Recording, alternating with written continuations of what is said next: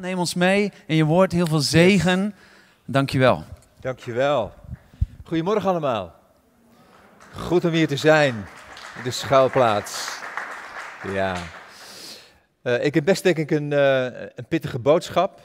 En als je behoefte hebt om eh, daar nog iets over na te lezen, beveel ik even een, een boek van mezelf aan. Daar heb ik een hoofdstuk, een heel hoofdstuk gewijd aan. Het thema ook waar ik vanochtend over, over spreek. Ik heb een boekentafel, maar als jij niet de financiële middelen hebt om dit boek aan te schaffen, je wilt het wel graag hebben, dan mag je het straks gewoon van de boekentafel afpakken. Dan hoef je zeg maar, eh, je niet te verontschuldigen, dan pak je het gewoon en dan kijk je hem aan met een lieve glimlach en dan loop je weer weg. Uh, dus voor degenen die het niet kunnen betalen, want het is wel een heel mooi en diepgaand onderwerp. Spreuken 4, vers 23 wil ik mee beginnen. Er staat van alles waarover je waakt, waak vooral over je hart. Want het is de bron van je leven. Waak over je hart. Als je dat begripje waken in het Hebreeuws, nazar betekent beschermen, toezicht houden. Werkelijk bewaken dat daar niets mee gebeurt. Dat is een actief woord. En waarom moet je over je hart waken? Waarom moet je daar goed voor zorgen? Omdat er staat, het is de bron van je leven. In de HSV staat, daaruit zijn de uitingen van het leven. En in het Engels staat het er eigenlijk nog mooier. For everything you do flows from it. Dus alles wat je doet, alles wat je uitwasemt, al je reacties komen uiteindelijk voort uit de diepte van je eigen hart. Vandaar dat het zo ongelooflijk belangrijk is om je hart gezond te houden. Als we kijken naar koning David, waar ik straks nog kort iets over, eh, over zeg. Van hem wordt gezegd in Psalm 78 dat hij een herder was met een zuiver hart. Een zuiver hart. Het woordje zuiver in het Hebreeuws, waar daar uh, staat tom, dat betekent onberispelijk, gaaf, ongeschonden, onaangetast, niet beschadigd. Dus hier staat dat David een onbeschadigd heel hard had. En dat is ook de reden waarom hij door alle stormen van het leven, door alle afwijzing heen, zeg maar staande bleef. Hij ging steeds opnieuw, zullen we zien, naar God toe, om zijn hart uiteindelijk heel te houden. Maar hoe zit het met jou? Hoe heel is jouw hart? Nou, hoe kom je erachter? Daar kom je erachter in crisissituaties, toch? In moeilijke situaties komt openbaar wat daar van binnen in jou zit. Als ik hier een sinaasappel zou hebben en ik zou die sinaasappel onder druk zetten, ik zou met mijn hand zo in gaan knijpen, dan komt daar sinaasappelsap uit, toch? Je zou heel gek opkijken als er citroensap uitkwam. Uit de sinaasappel, als ik die onder druk zet, komt de sinaasappelsap uit. Nou, wat zou er uit een christen moeten komen als je een christen onder druk zet. Ja, als een christen onder druk zit, dan zou er, als het goed is, Christus uit moeten komen, toch of niet? Ja, Paulus zegt, Christus leeft in mij. Ja, Jan, eh, maak dat eens wat concreter. Hè? Wat betekent dat dat Christus in mij openbaar komt? Nou, dan pak ik even heel kort uh, de vrucht van de geest, hè? want dat is wat uiteindelijk Christus laat zien. En wat staat daar? Dus als jij onder druk staat, als jij in een crisissituatie verkeert, dan komt er als het goed is bij jou deze dingen uit. Liefde, vreugde, vrede, geduld, vriendelijkheid, goedheid, geloof, zachtmoedigheid en zelfbeheersing. Maar ik zie om eerlijk te zijn wel eens wat anders uit christenen komen. En ook bij mijzelf zie ik wel eens dingen komen. Ik denk van hé, hey, dat correspondeert niet met hetgene uiteindelijk wat God van mij vraagt. Nou, we gaan eens met elkaar kijken hoe dat uiteindelijk komt. Ik las uh, vorige week een uh, artikel in het Haarlems Dagblad en uh, ja, ik zou heel veel voorbeelden kunnen geven over dit soort artikelen. Maar dit viel me op, want het was geschreven met een hele grote kop. En die kop zei het volgende. Grimmige polarisatie. Grimmige polarisatie. En eronder de subkop ook nog groot stond coronapas, een tweesnijdend zwaard in de samenleving. Coronapas, een tweesnijdend zwaard in de samenleving. Nou, dat dat artikel maakte duidelijk waarom die kop gekozen was. Het was een interview met twee psychiaters. En die hadden het met elkaar over de reactie van heel veel mensen uh, op de crisis waarin we op dit moment zijn. En een van die psychiaters die vertelde dat hij deel uitmaakt van een vriendengroep. Een vriendengroep die al vanaf de studietijd bij elkaar is. En hij zegt dat betekent al zo'n 25 jaar dat we elkaar kennen. Een hele hechte vriendengroep. En deze woorden werden letterlijk geciteerd. Er werd gezegd, die trouwe vriendengroep die is uiteengespleten, zei deze man. Die trouwe vriendengroep is uiteengespleten. Vanwege de polarisatie, vanwege de tegenstellingen die daar zitten. En die tegenstelling, die polarisatie kom ik ook tegen onder christenen. Op allerlei manieren. Je ziet kampen ontstaan. Voor de coronapas, tegen de coronapas. Voor vaccinatie, tegen vaccinatie. Voor complotgedachten, dat er een groot complot gaande is, waarin de overheid probeert ons zeg maar monddood te maken. En mensen zeggen nee joh, dat is, dat is onzin. Nou, die verschillen zijn niet zozeer erg, als wel de manier waarop we dat uiten met elkaar. En dat is iets wat me echt raakt. Het is een paar weken geleden dat ik hiermee bezig was en uh, dat ik tijdens mijn gebedswandelingen huilde, letterlijk huilde. Ik had, ik had zo'n verdriet om de toestand van de kerk. Omdat ik die polarisatie zag. Omdat ik op sociale media zag hoe ongelooflijk hard, scherp, veroordelend christenen onderling met elkaar zijn. Omdat ze verschillen van een bepaald standpunt. Meningsverschillen hebben geleid tot een stuk polarisatie. Wij blijken gewoon niet meer met elkaar te kunnen leven met een meningsverschil. En ik geloof dat het wel mogelijk moet zijn.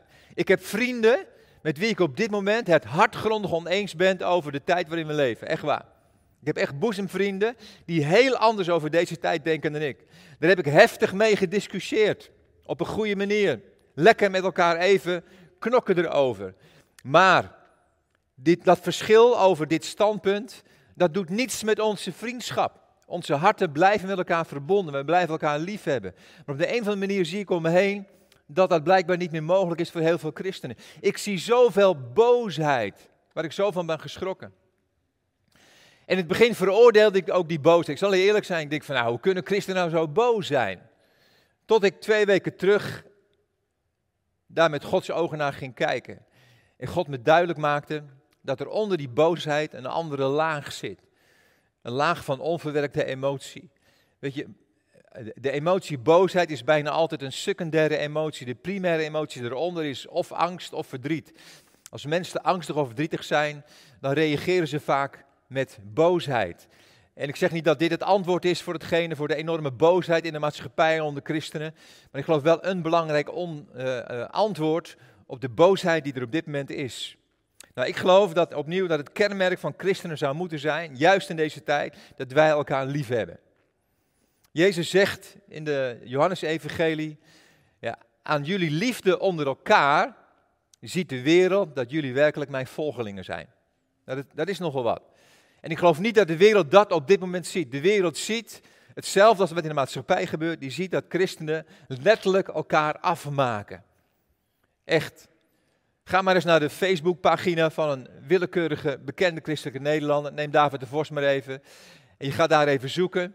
Ja, hoe die onder vuur is gekomen. Wat een afschuwelijke taal mensen bezigen. Wat een beschuldigingen er klinken op, op Facebook. En dan vraag je je af, wat is er aan? Waar is die liefde gebleven? Terwijl Jezus ook heeft gezegd dat het liefhebben van elkaar het hoogste gebod is. Ja, het hoogste gebod is het liefhebben van God natuurlijk. Maar dan zegt hij het tweede gebod en dan zegt hij het volgende. Daaraan gelijk. Dat zegt hij echt hoor. Het tweede gebod, daaraan gelijk is dat we elkaar moeten liefhebben. Hij gaat nog verder. Ja, dat elkaar, dat definieert hij nog op een andere manier in de bergreden. Het onderwijs van Jezus. En dan zegt Jezus, heb je vijanden lief. Heb je vijanden lief. Dus degene die jouw vijanden zijn, die jou haten, die tegenover je staan, heb die lief. En dan zegt hij het volgende. Dan zijn jullie werkelijk kinderen van je Vader in de hemel. Hij zegt, dat laat zien, als jij tot het uiterste lief hebt, ook je vijanden, dan laat je echt zien dat jij een kind bent van je hemelse vader. Nou, hoe ziet die liefde eruit? Daar staat het Griekse woordje agape-liefde. Dat is een belachelijke liefde. Dat is een buitensporige liefde. Dat is een onvoorwaardelijke liefde. Dat is een liefde die de wereld niet kent en de wereld ook niet elkaar kan geven. Maar dat is een liefde die wij wel elkaar, maar ook de wereld kunnen geven. Onvoorwaardelijke liefde. Paulus zegt over die liefde in 1 Corinthië 13 dat die liefde alles verdraagt en nooit zal vergaan. En weet je wat er wel vergaat? Schrijft hij in hetzelfde hoofdstuk. Er vergaan een aantal dingen waar we nu met elkaar een heel groot issue van maken. Er staat profetieën zullen verdwijnen en kennis zal verloren gaan. Ook jouw kennis, Ook als jij meent dat jij de juiste kennis hebt over de tijd waarin we leven. Ook als jij meent dat jij de juiste kennis hebt over het vaccin. Of over wel of niet hè, de maatregelen volgen. Jij met je grote kennis uiteindelijk. Die kennis zal verdwijnen, maar de liefde zal blijven. Ik citeer nog wat van Paulus daarin in hetzelfde hoofdstuk. Al had ik de gave, zegt hij over zichzelf, om te profiteren. En doorgrondde ik alle geheimen. Ook alle geheime complotten. Ik doorgrond het allemaal. Al bezat ik alle kennis. En had ik het geloof dat bergen verzetten kon. Had ik de liefde niet, zegt hij, ik zou niets zijn. Ik zou niets zijn. De liefde gaat ver en ver boven alle dingen uit. En toch opnieuw zie ik verkilling onder christenen. Zie ik boosheid onder christenen. Zie ik zo'n fel, ongenuanceerd en heftig gedrag. Hoe komt dat? Toen ik daar twee weken terug mee bezig was, nam God me mee naar een situatie in het leven van David, koning David. David die zo'n mooi heel hart had. David die wel in zijn leven onder vuur is genomen. Die heel veel afwijzing heeft meegemaakt. Dat begon al in het gezin. Waar hij niet als volwaardig werd behandeld. Als de hooggeplaatste figuur uit Israël, de profeet Samuel, naar het dorpje Bethlehem toe komt dan is iedereen vol ontzag en iedereen beeft. De oudsten komen naar hem toe. Wat komt u hier doen? Zo van, Samuel komt naar ons dorpje toe. Hij zegt, nou, ik wil een barbecue houden, en dat samen met uh, ene Isaïe doen en al zijn zonen.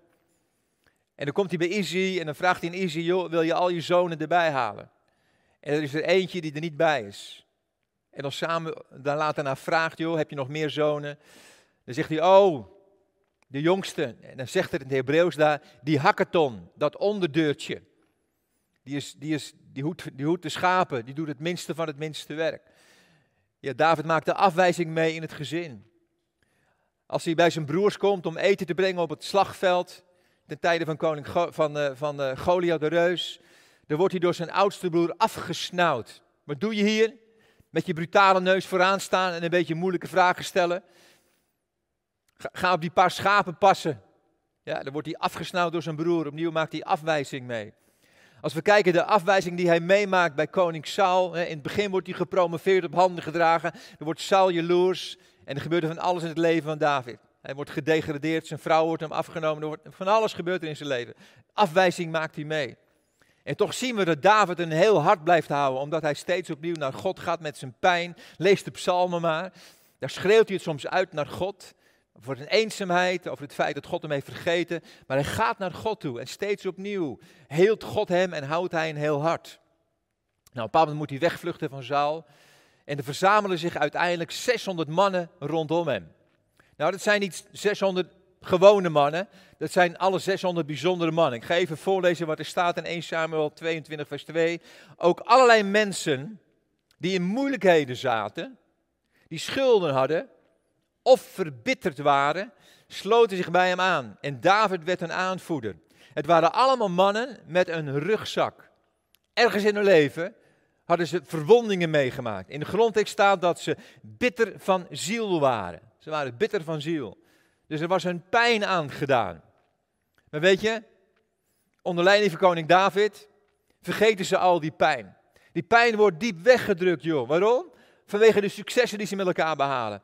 Het wordt een onoverwinnelijk leger. Ze zijn niet te grijpen. Ze blijven continu uit de grip van Zaal. Op een bepaald moment gaan ze naar het land der Filistijnen. En daar worden ze ongelooflijk succesvol. De ene overwinning naar de andere overwinning. Ze krijgen een geweldige mooie stad toegewezen, Siklag. Ze hebben een tijd van voorspoed, grote welvaart. Al hun buit wordt daar verzameld. Ze hebben vrouwen, ze hebben kinderen. Ze hebben een machtig mooi leven onder het aanvoederschap van David. En ze hebben het goed met elkaar. En dan op een dag breekt er een crisis uit. Geen coronacrisis, maar een ander soort crisis. Ze komen terug van opnieuw het slagveld. En ze rijden terug met een paarden. En in de verte zien ze een stad leggen. En ze denken aan een vrouw en een kinderen. Maar dan zien ze rookpluimen. En de schrik slaat ze om het hart. Het zal toch niet? En ze beginnen hun paarden aan te sporen om harder te gaan. En als ze dichterbij komen, zien ze tot een ontzetting dat de hele stad is verwoest. Is met de grond gelijk gemaakt. Vrouwen, kinderen buitengemaakt. En al hun geweldige mooie spullen zijn meegenomen. En dan wordt er iets in hun getriggerd. Dan komt die oude pijn en bitterheid die zo lang daaronder lag, waar ze geen erg meer hadden, die wordt getriggerd en die komt naar boven. En ze zoeken uiteindelijk iemand die ze de schuld kunnen geven. Dat doen we in crisissituaties, we willen een schuldig hebben. En ze beginnen te schieten op die ene. Ze willen David stenigen. Vanuit hun boosheid. Een ongecontroleerde boosheid komt naar boven. Ze willen een schuldige en ze willen David stenigen. Maar die woede is een secundaire emotie. God nam me mee naar dit verhaal en liet me zien, Jan, die secundaire emotie, daar lag een primaire emotie onder. Deze mannen waren gewonde mannen. Er was nog steeds onverwerkte pijn en verdriet in het hart van deze mannen. En in tegenstelling tot David hadden zij die pijn nooit bij God gebracht, maar hadden ze hem weggedrukt uiteindelijk in hun leven. Maar er komt er altijd weer een moment dat die pijn naar boven komt. Dat die pijn getriggerd wordt. Ik heb ook pijn gehad in mijn leven. Heel veel pijn. Op mijn elfde seksueel misbruikt. Dit heb ik heel lang verstopt gehouden voor de hele wereld. Ook van mijn vrouw toen ik later Marijke ontmoette. Dat is een pijn die diep bij me zat. Eh, ik heb ook de pijn van een vrouw die mij bedroog. Ik heb vier jaar lang samengewoond met een vrouw voor mijn bekering. En die bedroog mij met mijn beste vriend. En opnieuw, er kwam een ongelooflijk stuk pijn uiteindelijk in mijn leven. Mijn geestelijk vader heeft me heel veel onrecht aangedaan. En er kwam pijn in mijn leven. Ik weet wat het is om pijn te hebben. Ik weet ook wat het is om te blijven rondlopen met die pijn uiteindelijk. En het niet bij God te brengen. Maar het komt er altijd een keer uit. Op onverwachte momenten. Weet je, ik had een patroon in mijn leven. Als mijn pijn wordt gedaan, dan trek ik me terug. Kom ik zo meteen nog op terug. Ik trek me terug in stilte in zelfbeklag, in eenzaamheid, in isolement. Ik sluit me af voor de mensen om me heen. Maar die boosheid, die zit daar wel. En die kan zomaar opeens in je leven getriggerd worden. Mijn twee oudste kinderen, Bart, de vader van mijn kleindochter Sanne die mee is, en Naomi, die weten nog die momenten, ja, toen die pijn daar nog zat. Ik kan me nog herinneren een situatie, ik denk dat Bart een jaar of zes was, Naomi vier jaar met twee oudste kinderen. En ik zit met Marijke aan de koffie en Marijke die plaatst een opmerking. Helemaal niet kwaad bedoeld, maar die opmerking die raakte mij. Die raakte mij in mijn emotie. En ik voelde afwijzing op dat moment. En daardoor kwam er iets van die pijn openbaar. Die frustratie van seksueel misbruik in mijn verleden, waar Marijke op dat moment nog niets van wist. En ze zei iets tegen mij en ik had een kopje in mijn hand. En ik smijt dat kopje op de grond. Met een grote knal, scherven overal. En mijn kinderen zagen die altijd zo rustige, lieve, vriendelijke papa opeens als een vulkaan, zeg maar, reageren met een enorm stuk boosheid. En Rijk bleef gelukkig altijd in die periode enorm liefdevol en rustig. Op dat moment keek ze me aan met een glimlach. En ze zei tegen me, ruim je het straks zelf op, lieverd? Ja, Ja, je mag van Marij klappen hoor. Dus heel vaak zit er opnieuw onder die boosheid een onverwerkte emotie. Nou, we lopen allemaal kwetsuren op in het leven, toch of niet? Er is niemand hier die geen kwetsuren oploopt. Zolang je nog ademt, zul je kwetsuren oplopen. Zullen mensen je pijn doen? Daar ontkomen we niet aan, want we leven in een onvolmaakte wereld met onvolmaakte mensen. En onvermaakte mensen doen dingen die ons pijn doen, die ons verwonden. Kleine wonden, grote wonden. Maar ook allerlei kleine wonden kunnen uiteindelijk een grote wond in je leven worden. Het gebeurt vaak al in je opvoeding, in het gezin waarin je opgroeit. En we hebben allemaal onvermaakte ouders. Sommigen hebben kleine rugzakken van je ouders, sommigen hebben grote rugzakken. We maken allemaal mee in het gezin dat we beschadigd raken uiteindelijk. En als het niet in je opvoeding is, dan is het misschien op school. Misschien werd je gepest op school. En heb je dat ergens weggestopt. Ik heb een goede vriend van me, die ook gepest werd in het verleden. En uh, heel lang is dat ook weggestopt in zijn leven. Tot hij onder spanning kwam te staan in zijn bediening. En hij opeens merkte dat hij heel onredelijk, explosief kon reageren op iets op kantoor wat niet in zijn ogen goed was gedaan, of een opmerking van iemand. Of thuis in het gezin waarin zijn vrouw een opmerking plaatste en bam, er kwam opeens een stuk boosheid openbaar.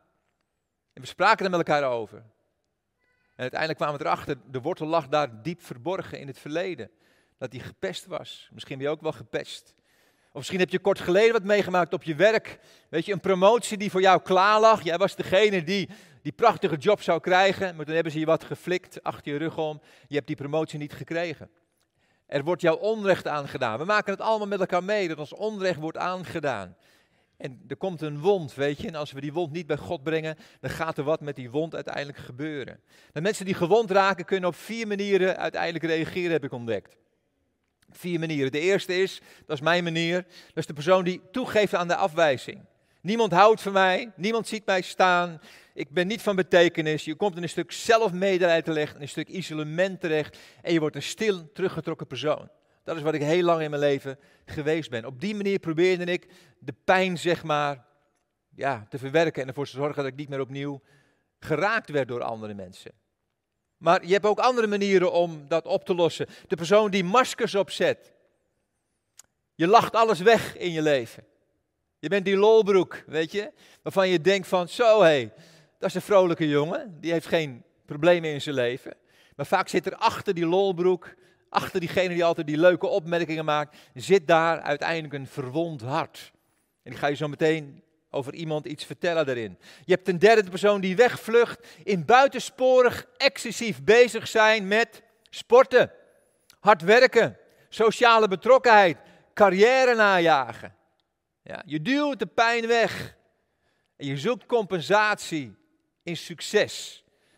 In, in dat je geëerd wordt, dat, dat, dat je toegejuicht wordt. En het verzacht de pijn in je leven. En het lijkt wel alsof die wond er niet meer is, omdat je uiteindelijk zo succesvol bent in je leven.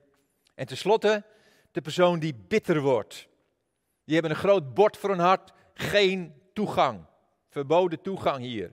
Dat zijn mensen met een hardheid. Weet je, wil jij mijn pijn doen? Ik zal jou even pijn doen. Ik zal de eerste zijn. Kom niet aan mij. Eén opmerking en bam. Er is een hardheid gekomen in hun leven. En ik heb gezien dat verwonde mensen verwonden mensen. Verwonde mensen verwonden mensen. Maar die wond geneest niet in deze verdedigingsmechanismen. Je komt in de gevangenis van onverwerkt verdriet terecht en bij pijn kan er opeens iets gebeuren waardoor die boosheid naar boven komt. Ik maakte het vorige week mee. Ik moest uh, spreken in Mozaïek afgelopen zondag en ik dacht, nou, het wordt tijd om weer eens naar de kapper te gaan. En uh, dat ik een beetje netjes op het podium sta. En uh, ik heb zo'n kapper, ja, dat is zo'n barbier, ken je dat? Daar kun je whisky krijgen en een biertje pakken. Hè? Is gewoon, er is soms live muziek is daar. Er is ook een, een tatoeëerder achter in die, in die, in die barbier. Zo'n echte barbier. En ik zoek regelmatig een nieuwe kapper, omdat ik dan altijd weer een plek heb om heerlijk te getuigen over Jezus. Dus ook met mijn kapper heb ik radelijk mooie gesprekken gehad. En deze kapper is een beetje ook, uh, die, die jongen die daar zit, een beetje de manager, is een beetje de gangmaker van het bedrijf. Altijd vrolijk, altijd geintjes. Maar ik zag altijd in zijn ogen een diep en diep en diep verdriet. Weet je, maar hij drukte niet weg. Hij was de gangmaker. Er stond een piano, er staat er nog steeds, weet je, en dan is de zaak lekker vol. En opeens stapt hij achter zijn piano en dan gaat hij lopen spelen. En iedereen vindt het geweldig en die kapper is weer hartstikke gelukkig. Ja, en, zo toont hij zich altijd. En ik was daar vorige week en ik was de enige klant. Ook de enige kapper. Ik zeg, Sjoerd, joh, wat is het ongelooflijk rustig. Ja, collega's zijn vrij en gewoon een hele rustige dag, man. Ja, ik ga zitten nou, ik zal je niet vertellen wat hij allemaal aan mij, uh, zeg maar, in mijn oren uitgegoten heeft. Er was die ochtend wat gebeurd. Wat iets getriggerd had in zijn leven. En hij was zo ontzettend boos. Het ene F-woord naar het andere F-woord klonk.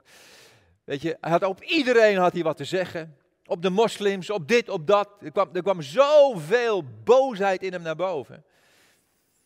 En af en toe verontschuldigt hij zich omdat hij weet dat ik christen ben vanwege zijn taal. Hij zegt, Sjoerd, ga lekker door, jongen. Ja, ik hoop niet dat jij zo vroom bent dat je dat soort mensen aanspreekt. Dat werkt echt niet, jongen. Weet je, ik heb, ik heb Sjoerd lekker laten effen. En het kwam er allemaal uit. Al die boosheid. En ik heb daar, hij heeft lang gedaan over de behandeling, langer dan een half uur. en eh, af en toe stopte hij ook. En uh, dat gezicht van hem. En weet je, na afloop zei hij: Jan, dank je wel dat ik even helemaal heb mogen leeglopen bij je. Dat ik even al mijn frustratie kon uiten. En toen kwam er een klant binnen en had ik niet een moment om even dieper te gaan. Ik heb wel eens heel diep met hem gesproken, maar de volgende keer, weet je, zal ik opnieuw daarop terugkomen. Sjoerd, je was zo boos, maar wat lag daaronder, Sjoerd? Wat lag daaronder? Weet je, er hoeft maar wat getriggerd te worden vaak en we schieten uiteindelijk in dit soort dingen. En als je niet afrekent met de pijn die er uiteindelijk is in je leven, dan gaat er een bittere wortel gaat daar groeien. En dan kan er iets gebeuren in je leven waar je later enorm spijt van krijgt. Het kan verwoestend zijn. Absalom is een voorbeeld. Ja, Absalom was gewond geraakt door zijn vader.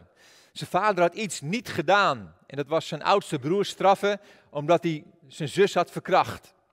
David had niets gedaan. Ja, dat, dat, dat deed pijn bij Absalom. Hij verweet het zijn vader. Maar hij loste dat probleem niet op. Nee, hij bleef ermee rondlopen. En uiteindelijk ging hij in een samenswering tegen zijn eigen vader en greep hij naar het koningschap. Hij kwam in een stuk rebellie uiteindelijk, in een stuk verzet tegen zijn vader. Ja, waarom? Omdat hij onverwerkt verdriet in zijn leven had. En wat zie je gebeuren als mensen ook in een kerk in verzet komen tegen het leiderschap? Dan zie je altijd dat andere mensen daardoor worden aangetrokken die ook met pijn zitten, die niet verwerkt is. Dat zie je ook in dit geval. Weet je wie zich aansluit bij Absalom? Achitovel. Weet je waarom Achitovel zich aansloot bij Absalom? Die had ook een issue met David. Die was ook verwond door David. Ik weet niet of je weet wie Achitovel was. Dat was de raadsman van David, een heel bijzonder wijs man. Maar ook de grootvader van Bathsheba. En dan begrijp je zijn probleem. Ja, David had Bathsheba had hij genomen. Had hij verleid, werd zijn minnares. En hij had de man van Bathsheba omgebracht uiteindelijk. En dat had Achitovel enorm geraakt. Het feit dat koning David zijn kleindochter had genomen. En, en de echtgenoot van zijn kleindochter had omgebracht. Er zat nog steeds pijn en verwijt in zijn hart. En hij sloot zich aan bij Absalom. En je kunt zien dat dit het verdriet was in hem. Want als Absalom uiteindelijk David verjaagt uit Israël. En die vraagt aan achter, wat moet ik nu doen? Hij zegt, ga slapen met al zijn bijvrouwen. Zo van, neem raak. Ja? Pleeg overspel. Neem tot minnares al de bijvrouwen van David. Op die manier pakken we hem terug voor hetgene wat hij, mijn kleindochter en mij uiteindelijk heeft aangedaan. Er zat nog steeds onverwerkte pijn uiteindelijk bij Agitovel. Nou, opnieuw, ik zei al, pijn is onvermijdelijk in deze zondige wereld. Hoe rechtvaardig jij ook bent, hoe vriendelijk je ook bent, mensen zullen je pijn doen, zullen je kwetsen. Dus de zaak is, wat moet ik doen met die pijn? Wat moet ik doen met die onverwerkte emotie in mijn leven? In het boek De Keuze schrijft Edith Eker hier het volgende over. Een persoon kan alles worden afgenomen, behalve één ding. De laatste van de menselijke vrijheden, namelijk in alle gegeven omstandigheden kunnen kiezen welke houding je aanneemt. Je eigen weg kunnen kiezen. En dan zegt ze het volgende: elk moment in je leven is een keuze. Hoe frustrerend, hoe vervelend, uitputtend, pijnlijk of beklemmend een ervaring ook is, wij kunnen er altijd voor kiezen hoe we erop reageren en mee omgaan. Zegt Edith Eker. Nou zit je hier misschien en zeg je, leuk dat die Edith Eker dit schrijft, maar die vrouw moest eens weten wat ik in mijn leven heb meegemaakt. Die vrouw moest eens weten wat mij is aangedaan. Nou, ik wil wat jou is aangedaan absoluut niet bagatelliseren. Maar ik weet wel wat Edith Eker heeft meegemaakt. En dat ga ik je kort even vertellen. Want dat is niet niks. Deze vrouw spreekt niet als iemand die nooit iets heeft meegemaakt. Zo van, nou, je kunt altijd kiezen in elke situatie. Deze vrouw was 16 jaar toen ze in 1944 met haar zus en haar ouders werd weggevoerd naar Auschwitz. 16 jaar. Op de eerste dag dat ze binnenkwam, stond ze in de rij met haar vader en moeder. En toen ze voor een een man kwamen met strepen, die keken aan. En vader en moeder werden rechtsaf gestuurd. En zij, Edith en haar zus, werden linksaf gestuurd. En een uurtje later werden haar ouders vergast. En heeft ze ze nooit meer teruggezien. Dat heeft Edith meegemaakt. Als 16-jarig meisje, ze was een talentvolle balletdanseres, werd ze gedwongen om voor dokter Mengelen, een man die afschuwelijke dingen heeft gedaan op medisch gebied in die kampen, moest ze dansen voor deze dokter Mengelen. Ze heeft zoveel vernederingen meegemaakt in Auschwitz. Zo mishandeld, zo ziek geworden uiteindelijk, dat ze dachten dat ze gestorven was.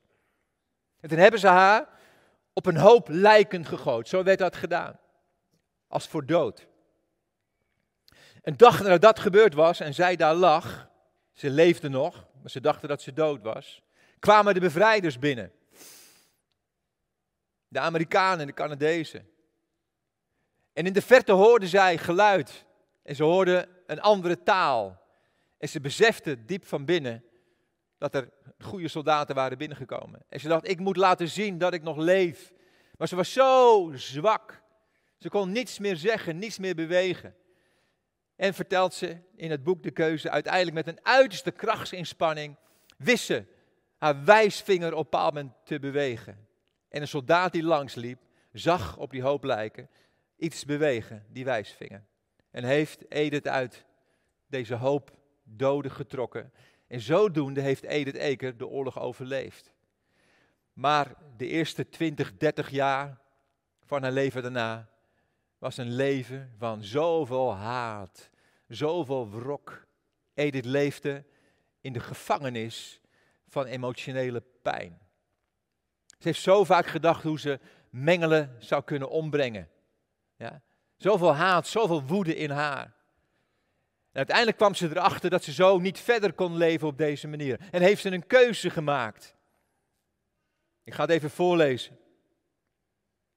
Eindelijk begin ik te begrijpen dat ik een keuze heb. Ik kan ervoor kiezen hoe ik reageer op het verleden. Dat besef zal mijn leven voor altijd veranderen. Niemand kan jou, van jou een slachtoffer maken, zegt Edith. Dat kan alleen jijzelf. We worden niet een slachtoffer door wat er met ons gebeurt, maar doordat wij ervoor kiezen om vast te houden aan onze slachtofferrol. Dit klinkt hard, maar zij mag het schrijven. Ben je het met me eens of niet? Zij zegt, stop ermee om in die slachtofferrol te blijven. Wanneer we kiezen voor de beperkte denkwijze van het slachtoffer, worden we onze eigen gevangenisbewaarders. Weet je, en wij hebben de mogelijkheid opnieuw om te kiezen hoe we reageren. Wij kunnen kiezen om te vergeven. En vergeving is niet makkelijk. Vergeving is niet goedkoop. Iemand die zegt, oh vergeving vind ik makkelijk, heeft nooit iets ergs meegemaakt.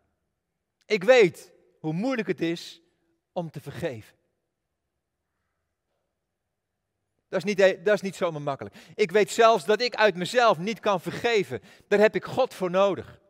Het is een goddelijke oplossing die alleen God uiteindelijk in jou kan bewerken. Maar je zult wel zelf ervoor moeten kiezen om een keuze te maken. De band mag by the way naar voren komen. Maar vergeving is zo'n belangrijke sleutel. En Marco, als je wil mag je alvast wat spelen ook. Efeze 4 vers 32. Dan geeft Paulus dat ongelooflijk belangrijke advies. Hij zegt daar vergeef elkaar. Hoe? Zoals God uw zonde heeft vergeven. Om wat Christus voor u deed. Dus hier worden we gevraagd op dezelfde manier te vergeven als God ons vergeven heeft. Volg Gods voorbeeld in alles. Zoals een geliefd kind zijn vader nadoet.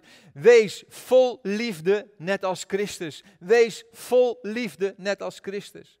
Dat is de opdracht die wij gekregen hebben. Wees vol liefde, net als Christus, die zoveel van u hield, dat hij zich voor u opofferde om uw zonde weg te nemen. Wij worden aangevuurd om net zo te reageren als Christus. Wij zijn discipelen van Jezus. Wij willen, als het goed is, toch in zijn voetsporen willen we met elkaar stappen. Ook op het gebied van vergeving. En Jezus heeft ook zoveel afwijzing in zijn leven meegemaakt. Zoveel vernedering, zoveel mishandeling. Denk maar aan die laatste 18 uur dat hij hier op aarde was. Ongelooflijk wat hij daar moest meemaken. De bespottingen die hem ten deel zijn gevallen. De mishandelingen. Zijn baard werd uitgetrokken. Gewoon. Met handen. Er werd een doek om zijn hoofd getrokken. En met een stok werd er op zijn gelaat geslagen, terwijl hij geblinddoekt was. En ze zeiden, profeteer, wie slaat jou? Uiteindelijk werd die doek afgedaan en werd hij met een zweep gegezeld. Er werd een doornkroon op zijn hoofd gedrukt. En hij werd aan een kruis geslagen. En daar hing hij, zes uur lang. Zes uur lang een menigte voor hem die hem bespotten. Die hem bespuugden. En hing daar in een ondraaglijke hitte. Vreselijke pijn die hij moest doorstaan. En voor zijn ogen degene die hem dat aandeden op dat moment. Wat ging er door Jezus heen op dat moment?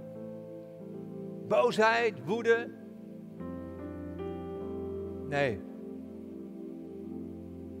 Aan het kruis liet hij nog steeds het hart van God zien. Een hart wat overloopt van liefde.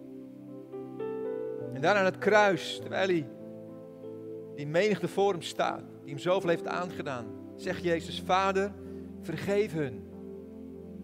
Vader, vergeef hun, want ze weten niet wat ze doen. Hij vergaf.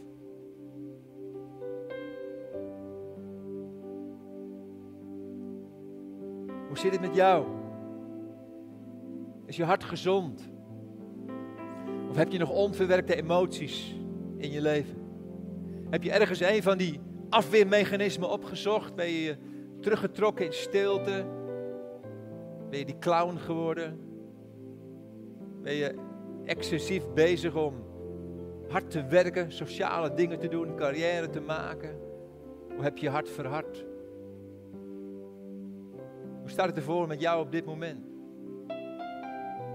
Hoe is het met je huwelijk? Hoe is het met je partner? Hoe, hoe open is jullie communicatie en relatie nog?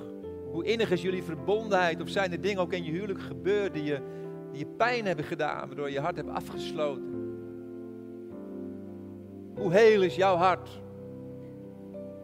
Als je hart niet heel is, is het zaak om daar mee naar God te gaan. Maar als je dat niet doet, kan er op een wat een trigger komen. En kan je exploderen. Een stuk boosheid. God wil opnieuw in je verdriet komen. Misschien zit je vandaag wel in de gevangenis van onverwerkt verdriet. Zullen we gaan staan met elkaar? God wil je genezen, herstellen. Vergeving is met Gods hulp onze pijn loslaten en onszelf bevrijden van de emotionele ballast. Vergeving zet de gevangenisdeur open. Vergeving doe je niet voor die ander, doe je voor jezelf. Het is een geschenk aan jezelf. Ja, maar Jan, die ander heeft me wel groot onrecht aangedaan. Ja, dat is waar. Je hebt ook recht om boos te zijn. Dat mag. Maar je moet niet blijven in die boosheid. Want dan verwoest het jezelf en niet die ander. En vergeving opnieuw is heling voor jezelf. En daar heb je die ander niet voor nodig. Want als je die ander daarvoor nodig hebt, als die ander eerst naar jou toe moet komen, om tegen jou te zeggen, sorry dat ik jou heb aangedaan, ben je opnieuw afhankelijk van die ander. En plaats jezelf in een slachtofferrol. Nee, je bent niet afhankelijk van die ander.